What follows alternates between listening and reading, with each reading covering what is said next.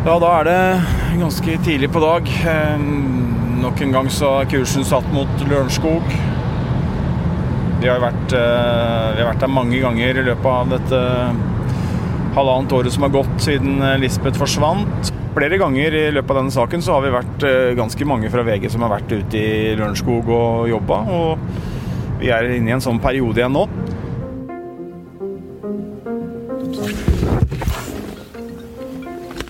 Hva sier du? Ok, greit. Hei. Skjer det noe? Ok, da kjører vi inn der. Ja. Uh, meld ut, da. Ja. Han er pågrepet. Jeg veit ikke. Han tas nå foran øya på Bolin. Oi, oi. Tok hun der, ja. Politifolk. Politifolk. Ok, da er han tatt, sies det. Det må ha skjedd i nærheten av barnehagen, det, da. Ja, se. Hallo. Ja, vi kjørte passerte dere nå. Vet vi noe hvilke biler det var? Ja, Det var de vi møtte. Ja. Der står bilen hans. ja. Der er bilen. Tidlig tirsdag morgen 28. april ble Tom Hagen pågrepet av politiet og er nå siktet for drap eller medvirkning til drap på kona Anne-Elisabeth Hagen. Øst politidistrikt har i dag pågrepet Tom Hagen. Forbrytelsen politiet er i ferd med å avdekke, er grufull. Jeg har jobba med krimsaker i snart 30 år. På mange måter er hver sak unik og gjør inntrykk på ulikt vis. Men denne, denne saken overgår alt jeg har jobba med. Jeg vet ikke hva jeg kan sammenligne den med. I tiden som kommer skal vi oppdatere deg. Ta deg med gjennom saken. Det vi vet har skjedd, og det politiet nå mener de har bevis for har funnet sted. Og vi skal høre mer om hvordan Tom Hagen stiller seg til den alvorlige siktelsen mot ham. Jeg heter Øystein Milli og har jobba med Lørenskog-saken i halvannet år. En sak som uansett fasit savner sitt sidestykke i norsk krimhistorie. Aller først skal vi tilbake til 2018. Vi i VG fikk i all hemmelighet høre om saken. Krimgruppa begynte å jobbe med en uh, forferdelig sak. Uh, ja, den er så fæl at det er vanskelig å ta inn over seg. Uh, det er jo ikke offentlig kjent nå på dette tidspunktet, er det ikke? Vi fikk opplyst at Lisbeth var kidnappet, og at det var krav om løsepenger. Hadde hun noen fiender? Og hva var i så fall motivet? Eh, vi fikk vite at hun var eh, sporløst forsvunnet, eh, og at det måtte holdes helt hemmelig. Men alle var veldig fortvila. Det ga ingen mening, egentlig. At en skulle kidnappe tante Lisbeth, det, det ga ingen mening. Tror du hun hadde noen fiender? Nei, Det kan jeg ikke tenke meg at hun hadde. Hvem skulle det være? Så det Nei.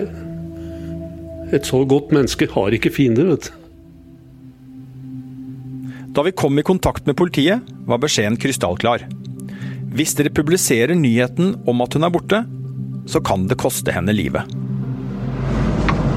Vi skal kjøre forbi den veien som går inn til huset, men vi skal ikke, ikke kjøre inn mot huset, at det kan uh, sette politioperasjonen i fare. Det har vi ingen intensjoner om å bidra til. Vi er veldig nære nå. Nå ringer vi inn til Haneborg her i Lørenskog. og over den brua der ligger gåstedet. Ligger idyllisk til ved noe som heter Langvannet i Lørenskog. På andre sida av vannet her så er det jo nå masse barn som aker og leker. Og det som jo er også veldig spesielt her, er jo at vi kjører jo nå inn i området. Eh, her er det jo helt vanlig. Dagliglivet går sin gang. Eh, men eh, Og ingen vet hva som, hvilke drama som utspiller seg. I et svartbeiset hus med strandlinje til det idylliske langvannet i Lørenskog bodde Tom og Anne-Elisabeth Hagen. Hun blir bare kalt Lisbeth. Klokka litt over to 31. oktober i 2018 får politiet en telefon fra Tom Hagen. Han sier kona hans er sporløst forsvunnet fra hjemmet deres. Eller ikke helt. I huset ligger det et brev med et krav om en løsepengesum på nesten 100 millioner kroner i kryptovaluta. I brevet får han beskjed om at konas liv er i fare hvis han alarmerer politiet. Men han gjør det likevel. Politiet må jobbe, men de gjør det i det skjulte. Ingen må få vite at de vet at Lisbeth er borte. Jeg vet ikke om naboen engang vet hva som uh, har skjedd. Uh, politiet er jo selvfølgelig fryktelig redd for at noe skal uh, skje med fru Hagen. Og derfor så holder man jo informasjonen om det som foregår, på et minimumsnivå. Tore Skansen er nærmeste nabo til ekteparet Hagen. Rett etter at Lisbeth forsvinner, treffer han på et par politifolk. Jeg kom hjem fra butikken den dagen, sånn rundt fem. Og da sto det to stykker, en mann og en dame, bak bilen min. Da jeg gikk ut av bilen i garasjen. Og, og de presenterte seg som politi. Og de spurte, det var litt kaldt, så de spurte da om de kunne få sitte inne hos meg for å se etter en jente som, som var blitt forsvunnet. En 16 år gammel jente var det vel, tror jeg.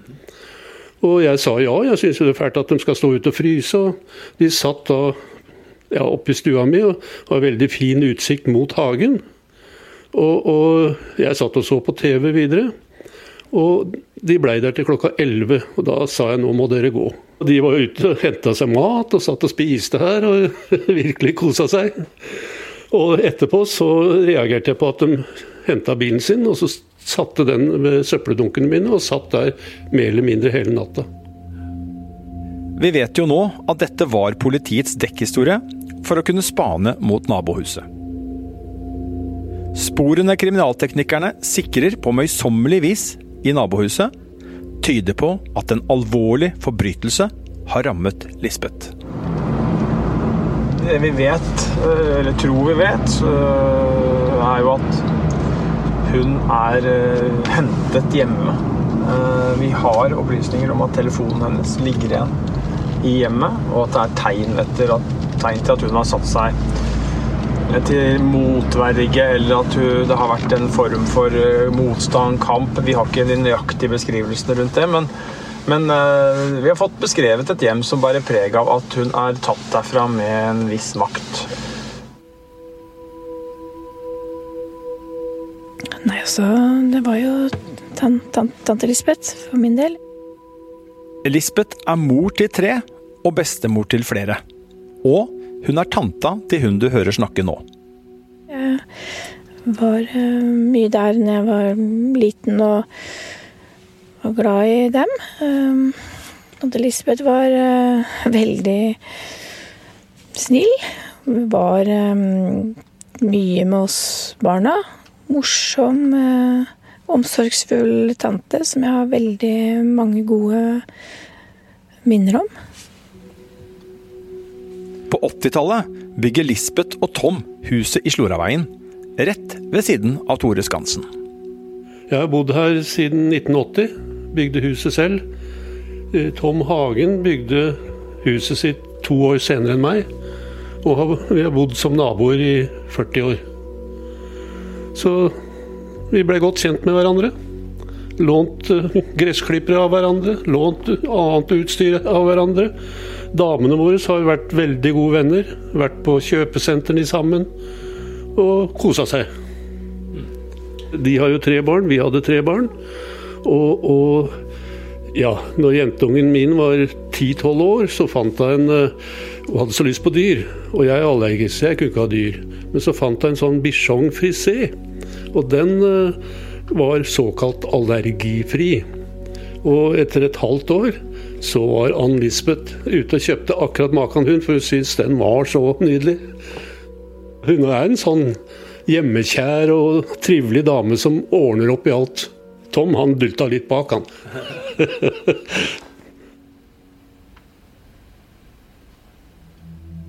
I Norge er kidnappingssaker sjeldent.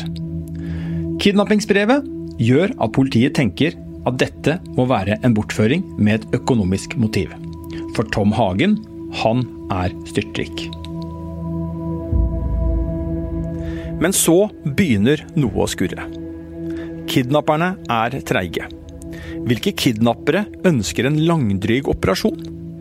Ikke bare vil det være et risikofylt prosjekt med tanke på å bli avslørt. Det krever mye. De må ha et trygt sted å holde henne fanget. Hun skal ha mat og drikke flere ganger hver dag. Kanskje dukker det opp helsemessige utfordringer. Og det vil alltid være en risiko for at noe alvorlig tilstøtter et menneske i fangenskap. Et dødt kidnappingsoffer betales det ikke for. Mangelen på livsbevis bekymrer naturligvis eh, politiet. Både med tanke på den tiden som er gått, og på bakgrunn av at kommunikasjonsformen nå er flyttet over på en plattform som også er mer egnet for livsbevis, er det naturlig for politiet nå å stille spørsmål ved, og også nå i større grad enn tidligere, betvile om Anne-Elisabeth Hagen fortsatt er i live. Hvorfor er ikke kidnapperne mer interessert i penger? Hvorfor er de så vanskelig å kommunisere med? Og hvorfor vil det ikke komme et bevis på at hun faktisk er i live? Derfor er det flere stemmer i politiet som etter hvert kritiserer etterforskningsledelsens hovedhypotese.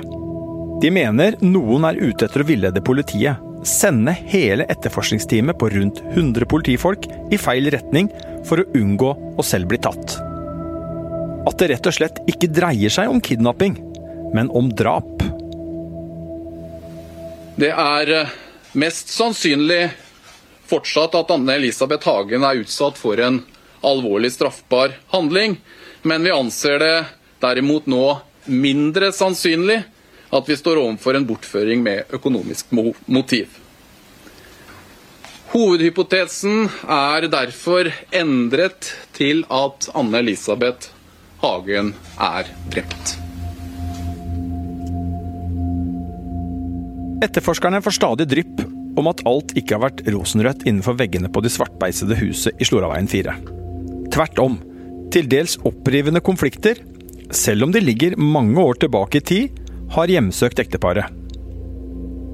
Sakte, men sikkert mener politiet at de finner et motiv hos ektemannen Tom Hagen. Den suksessfulle milliardæren som har brukt livet på å bygge seg opp fra å eie ingenting til å ha en svimlende formue på 1,7 milliarder kroner. Mannen med det tydeligste drapsmotivet er ifølge deler av etterforskningsgruppa ingen misfornøyd forretningsforbindelse. Andre etterforskere er i tvil.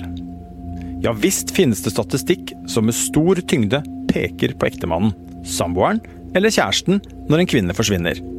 Det er alltid ektemannen. Men dette, at en mann på snart 70 år, en av landets rikeste menn, skal stå bak et nøye planlagt partnerdrap, iscenesatt som en kidnapping Ekteskapsproblemene ligger langt, langt tilbake i tid. Vitner forteller om et tilsynelatende harmonisk par. Senest kvelden før hun forsvant, var Tom og Lisbeth på teater med et vennepar. Tvilerne i politiet har vanskelig for å ta inn over seg at Tom Hagen kan stå bak. Det går ikke opp. Men til slutt er det ingen vei utenom. Det vil nærme seg grov tjenesteforsømmelse om etterforskerne ikke retter søkelyset mot milliardærektemannen. I all hemmelighet ber politiet domstolen om å få starte en skjult etterforskning. Ekteskapsproblemer, påfallende spor på åstedet, avvik i forklaringer og negative karakteristikker av Tom Hagen peker mot ham. Overfor retten argumenterer politiet for at det foreligger såkalt skjellig grunn til mistanke mot Tom Hagen. Eller sagt på en enkel måte at det er mer enn 50% sannsynlig at han har noe med konas forsvinning å gjøre. Uten at han selv får vite det, blir det utpekt en såkalt skyggeadvokat som skal ivareta interessen hans. Heller ikke Svein Holden, som er familiens bistandsadvokat, er kjent med at dette skjer. Tom Hagen må for alt i verden ikke få vite at han er mistenkt. Den etterforskningen skal ta måneder. Politiet åpner den største verktøykassa med skjulte metoder.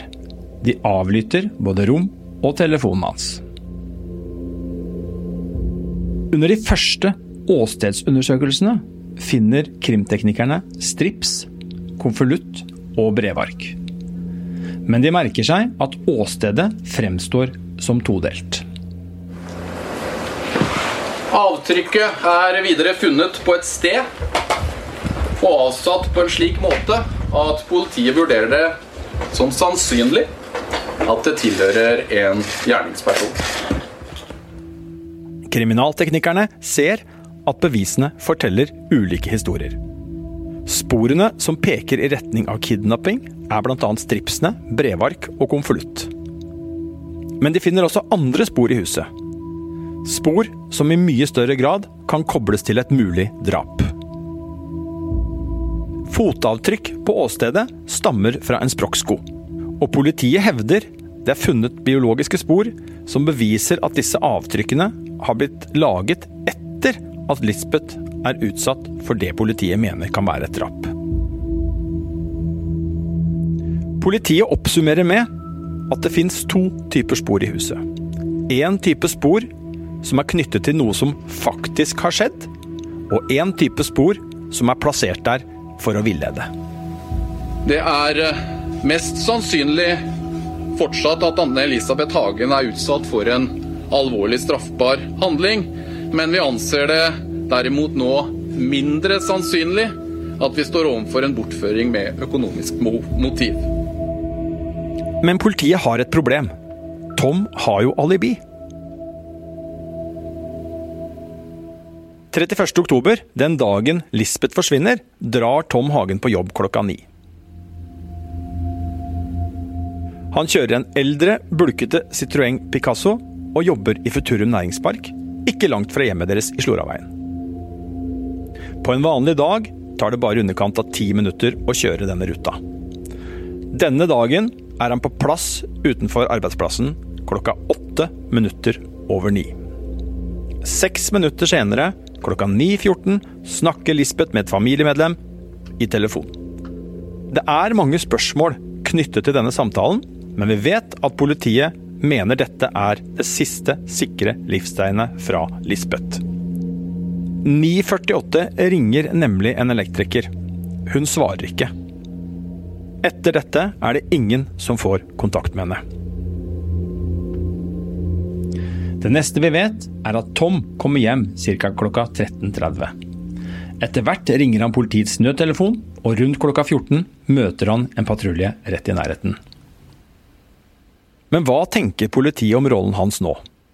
Nå som han er pågrepet.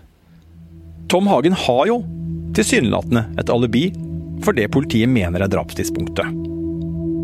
De vet at han parkerte på jobb klokka åtte over ni, altså seks minutter før politiet mener Lisbeth gjennomfører sin siste telefonsamtale. Det er mye som ikke er rullet opp. Vi får små drypp. Har politiet rett og slett funnet ut noe som gjør at de kan rokke ved alibiet hans?